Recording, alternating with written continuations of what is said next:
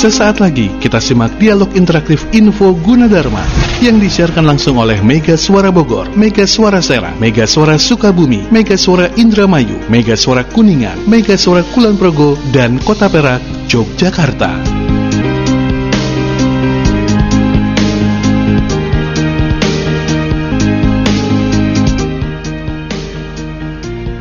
Selamat pagi, kembali kita bertemu di Info Yuji yang biasa uh, Anda simak di 8 radio station network yaitu uh, Mega Suara Bogor, Mega Suara Serang, Sukabumi, Kuningan, Indramayu, Kulon Progo, Kota Perak, Yogyakarta, serta Yuji Radio. Tidak ketinggalan Info Yuji juga disiarkan secara langsung oleh Yuji TV dan MGS TV Sukabumi.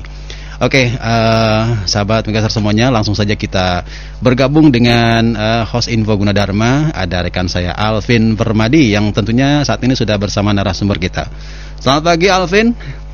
Selamat pagi Yuda Buster Kumahadamang. Alhamdulillah sehat walafiat. Alhamdulillah. Ya. Seger banget Anda nih Bang Alvin ya. Enggak, tadi pagi-pagi udah di sini. Kirain Jam setengah delapan udah standby di sini. Oke, sempat uh, olahraga juga di Uji kayaknya ini.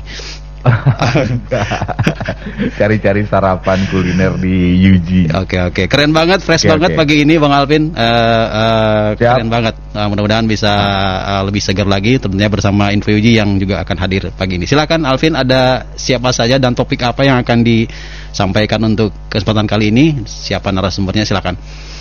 Baik, terima kasih Yuda Buster di Radio Mega Suara Network di tujuh kota dan kita kembali di Info UG yang disiarkan di 7 stasiun Radio Mega Suara Network, kemudian di UG TV dan juga UG Radio. Dan tak ketinggalan selamat pagi menjelang siang untuk teman-teman yang sedang menyaksikan program Info UG di kota dan kabupaten Sukabumi, yaitu di MGS TV. Seperti yang kita tahu bahwasannya yang kita informasikan sebelumnya dipromosikan, hari ini uh, kita akan ngobrol-ngobrol santai dengan yang punya RoboPen. Ada Profesor Dr. Ing Adang Suendra, SSI Eskom MSc. Kumaha ada Bang Pak? Alhamdulillah. Prof, seger terus ya. Alhamdulillah. Prof, ini kan lagi musim kemarin dari uh, COVID kemudian Omicron. Sempat kena nggak, Prof? Ya, lewat lah. Mampir. Mampir lah kan dilalui ya. Tapi aman ya, Prof ya. Alhamdulillah. Alhamdulillah. Ya, flu flu-flu biasa ya, tapi tetap kita jaga prokes ya, Prof ya. Prof, tadi kita berbicara tentang Robopen yang punya Robo. Kita flashback dulu nih. Gimana ceritanya Robopen? Karena saya masih sangat mengikuti waktu itu sampai dengan uh, Pak Yohanes, kemudian juga dis, dipersembahkan kepada kementerian waktu itu Menteri Kesehatan ya, Prof. Gimana nih ceritanya? Ya, baik, Kang Alvin. Cap. Jadi uh, kita sedikit flashback ya. Mm -hmm pendengar nih yang ingin hmm. tahu tentang produk-produk inovasi yeah. karya anak bangsa khususnya mm -hmm. karya Universitas Gunadarma ya. Yeah. Jadi pada awal dulu pandemi mm -hmm. ya, nah kita tuh melihat ada tantangan gitu, mm -hmm. Kang Alvin. Mm -hmm. Ya kita sebagai perguruan tinggi mm -hmm. yang memegang uh, istilahnya bertugas lah di Tridharma, mm -hmm. pendidikan, penelitian dan uh, pengabdian kepada masyarakat. Nah, di situ kita mendapat tantangan ya, mendapat tantangan itu artinya adalah guna dharma.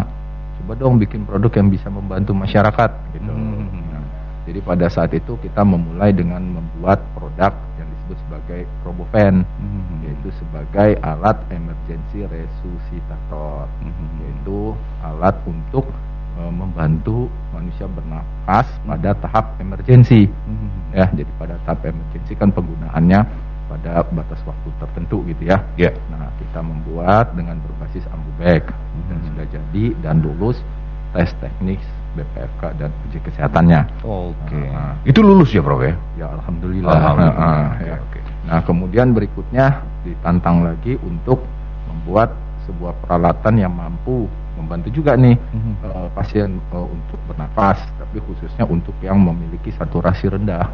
Wah, pasien yang saturasi rendah minta dibantu dengan alat maka kita buatlah yang namanya RoboFlow, Robo yaitu high flow nasal kanul mm-hmm. ya. Mm-hmm. Jadi dengan RoboFlow ini dikasih tekanan udara nama high flow ya, mm-hmm. tekanan udara dengan flow yang tinggi mm-hmm. ya untuk supaya manusia itu bisa bernafas dan paru-parunya dulu kan oh, yang tahap awal itu kan katanya kasusnya itu kan hmm. kalau paru-parunya melekat ya alveolinya melekat nah itu kan hmm. bahaya jadi kita mempertahankan agar si paru-paru itu tidak sampai melekat dengan tetap membuka sehingga sehingga manusia itu bisa bernafas hmm. kembali dibantu lah gitu ya. Yeah, yeah. Ya biasanya kalau dengan ini terus mengembangnya itu susah nah ini dikasih tekanan sehingga oh. tetap mengembang gitu ya. High flow nasal itu kita sebut sebagai RoboFlow. Mm-hmm. Kemudian berlanjut lagi kita ada RoboMed. RoboMed. RoboMed. Jadi ini masih seputar alat bantu nafas, mm-hmm. yaitu menggabungkan antara high flow nasal dengan CPAP. Mm-hmm. Di mana kalau uh, ada apa high flow nasal itu dikasih humidify yaitu alat uh. untuk menghangatkan, mm-hmm. Di mana supaya manusia energinya itu tidak tidak apa ya tidak habis untuk menghangatkan udara karena menurut dokter ya, mm-hmm. ketika kita menghirup udara, itu di dalam udara itu dihangatkan, kan oh, butuh energi. Okay. Jadi kalau kita kasih yang hangat, berarti dia energinya bisa dialihkan untuk apa namanya uh, kebutuhan lainnya seperti mm-hmm. itu. Mm-hmm. Nah kemudian dengan HFNC digabung dengan CPAP itu kita sebut sebagai Robomed mm-hmm. ya. Nah terus lagi uh, alat berikutnya ya inovasi berikutnya itu adalah uh, kita buat Nah itu tadi ini kita sudah alat bantu nafas rata-ratanya. Mm-hmm. Kita bikin juga tetap alu alat bantu nafas, cuman bisa membantu tenaga kesehatan.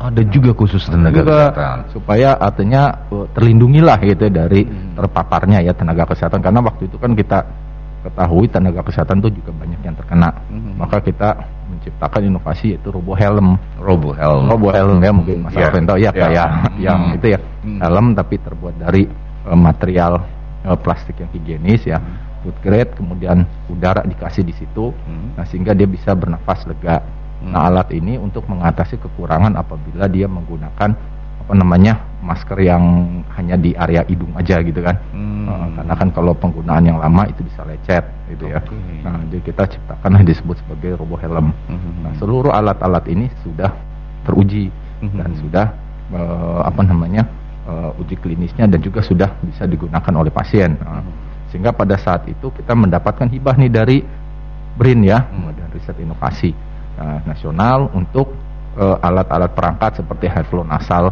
kanul dan robo helm itu kita produksi untuk diberikan ke beberapa rumah sakit dan alhamdulillah sudah mm-hmm. efektif untuk digunakan dan, dan membantu gitu. Nah, pada saat uh, Prof Adang dan teman-teman termasuk rektor waktu itu saya lihat di di Kementerian Kesehatan bagaimana tanggapan dari Kementerian Kesehatan? Yang saat itu langsung di di di, di di, diterima oleh Menteri Kesehatan langsung kalau iya. ya karena waktu itu kan pemerintah ya hmm. itu uh, sangat uh, menggiatkan sekali lagi melalui BRIN agar perguruan tinggi perguruan tinggi ini ikut hmm. ikut aktif lah menciptakan itu dan pada saat itu juga kita berkesempatan ketemu dengan hmm. menteri ya kemudian juga dapat hibah BRIN ya tentu saja tanggapan pemerintah adalah khusus yang diwakili oleh Kementerian Kesehatan itu mereka sangat bersyukurlah antusias ya bangga lah ya karena hmm. ternyata bangsa Indonesia juga mampu untuk membuat perangkat-perangkat hmm. uh, alat-alat kesehatan hmm. gitu ya seperti itu nah sejak itulah kita aktif kemudian menciptakan menciptakan kembali perangkat lain nah, nah itu ada ada apakah Tentu ini kan berbicara tentang kesehatan berarti otomatis akan bekerja sama dengan dokter. Kemudian berbicara robot berarti tentang dengan IT dan teknologi lain sebagainya. Ada kerjasama dari fakultas apa saja itu Prof waktu itu? Ya tentu saja ya. Kalau hmm. penelitian itu kan hmm. zaman sekarang itu sifatnya harus multidisiplin. Multidisiplin. Oke. Okay. Lagi kan e, bidang kesehatan. Hmm, hmm, hmm. Kalau nggak ada dokternya, gimana kita melakukan verifikasi dan validasi bahwasanya prinsip dan fungsional perangkat-perangkat yang kita ciptakan ini sudah memenuhi standar mm-hmm. medis ya standar uh, kedokteran mm-hmm. ya di situ kita bergabung yaitu antara Fakultas Kedokteran Universitas Gunadarma okay. tentu saja di situ ada beberapa dokter dan guru besarnya membantu kami mm-hmm. untuk memberikan uh, paling tidak masukan ya mm-hmm. selain masukan juga dia ketika kita merancang itu ya Ya, mereka memberikan bahwa ini kalau misalkan kan di dalam perangkat itu juga ada saluran-saluran gitu ya. Hmm. Saluran buat aliran udara, istilahnya sirkuit ya. Hmm. Nah, sirkuit itu kan yang tahu ya dokter, hmm. dokter yang khususnya memang ahli di bidang peralatan kesehatan ya. Nah, seperti itu. Dia menjelaskan ini kalau sirkuitnya seperti ini, aliran udaranya harus begini. Hmm. Flow-nya pertama masuk ke sini terus ke sini gitu. Nah, oh, butuh kan tuh dokter ya. Yeah, yeah, ahli yeah. itu dan hmm. juga dokter ahli di bidang pernafasan paru Beda lagi Karena ya. harus tahu kan oh nih manusia kalau parunya Iya. seperti ini butuhnya apa, Hmm. kemudian syaratnya harus ini sehingga peralatan yang diciptakannya harus memenuhi fungsi untuk mengembalikan fungsi parunya seperti ini gitu ya. Hmm. Nah, itu dokter jelas itu di depan itu kita butuh Hmm. eh, dokter yang ahli di bidangnya. Ya alhamdulillah di Fakultas Kedokteran ya kita memiliki para ahli tersebut. Ya. Alat peralatan kesehatan Hmm. khususnya untuk di ruangan ICU. Nah, Hmm. itu ada subspesialisnya lagi kan. Hmm. Terus subspesialis jantung, Hmm. subspesialis paru, ya subspesialis penyakit dalam. Itu ada semua gitu alhamdulillah dokter. Jadi kita mudah gitu berkoordinasi dan melakukan verifikasi gitu ya. Nah, Hmm. seperti itu. Nah, kemudian ada kan pada bagian part-part untuk elektronikanya kan. Nah, maka bagian teknologi Oh, iya. industri, nah itu kita masuk karena ada eh, program studinya Hmm. elektro ya. Kita kerjasama. Terus juga ada komputernya kan buat bikin kontrol. Nah. Nah, ini bagian komputernya nih. Ya, Vkom ya Fakultas Ilmu Komputer dan juga di informatika ya, Fakultas Teknologi Industri. Terus alur produksinya ada teknik industri. Jadi multidisiplin keilmuan ya tentu pasti kita ah, memanfaatkan itu dan semuanya terlibat Mhm. ya. Jadi artinya nantinya ya ke depan memang kalau untuk melakukan pengembangan penelitian itu tidak bisa satu bidang ilmu berdiri sendiri, pasti multi. ya. Multidisiplin. Heeh. Jadi eh, kami di Universitas Buddha Dharma juga kebetulan ada eh, pusat studi pengembangan AI dan robotika. Nah, di situlah yang melakukan fokus sampai sekarang nih. Dan Mhm. jadi sampai saat ini kita juga berinovasi untuk perangkat-perangkat lainnya. Kalau eh, AI dan robotika itu masuk ke eh, fakultas mana, Bro? Ah, sekali lagi penelitian itu multidisiplin. Multidisiplin. Jadi kita tidak masuk di satu fakultas. Oh, oke. Aha. Jadi kita mengundang seluruh fakultas eh, ketika kita akan berinovasi. Ayo siapa yang kita tahu nih kira-kira eh, kira-kira program studi atau fakultas apa saja yang memiliki eh, apa namanya istilahnya keahlian di bidang eh, perangkat yang kita butuhkan seperti itu. Kalau boleh tahu prosesnya dari awal sampai diterima oleh Kementerian Kesehatan kemudian disebar ke beberapa rumah sakit berapa lama tuh? Dulu ya sekitar 6 sampai 7 bulan gitu. Wah, ya. iya, karena memang itu bukan sembarangan hubungannya dengan kesehatan dan nyawa orang mungkin ya, Betul, Bro ya. kan pas pada saat tesnya Berarti ada sempat lama. ba- berarti ada sempat eh, salah atau error mungkin dalam proses ini? Ya dalam proses ya produksi ya apalagi riset ya kalau Ah, riset kan risetnya itu, banyak kan benar.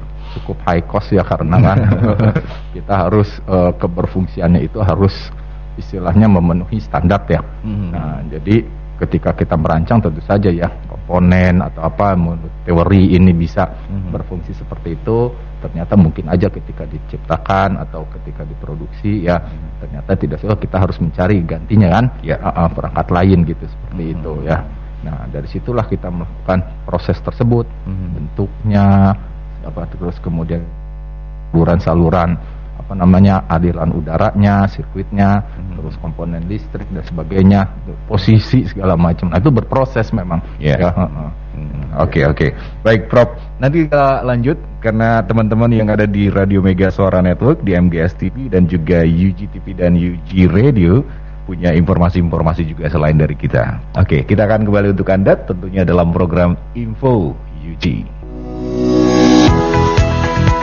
Jangan ke mana-mana, info Gunadarma akan kembali setelah beberapa informasi berikut ini.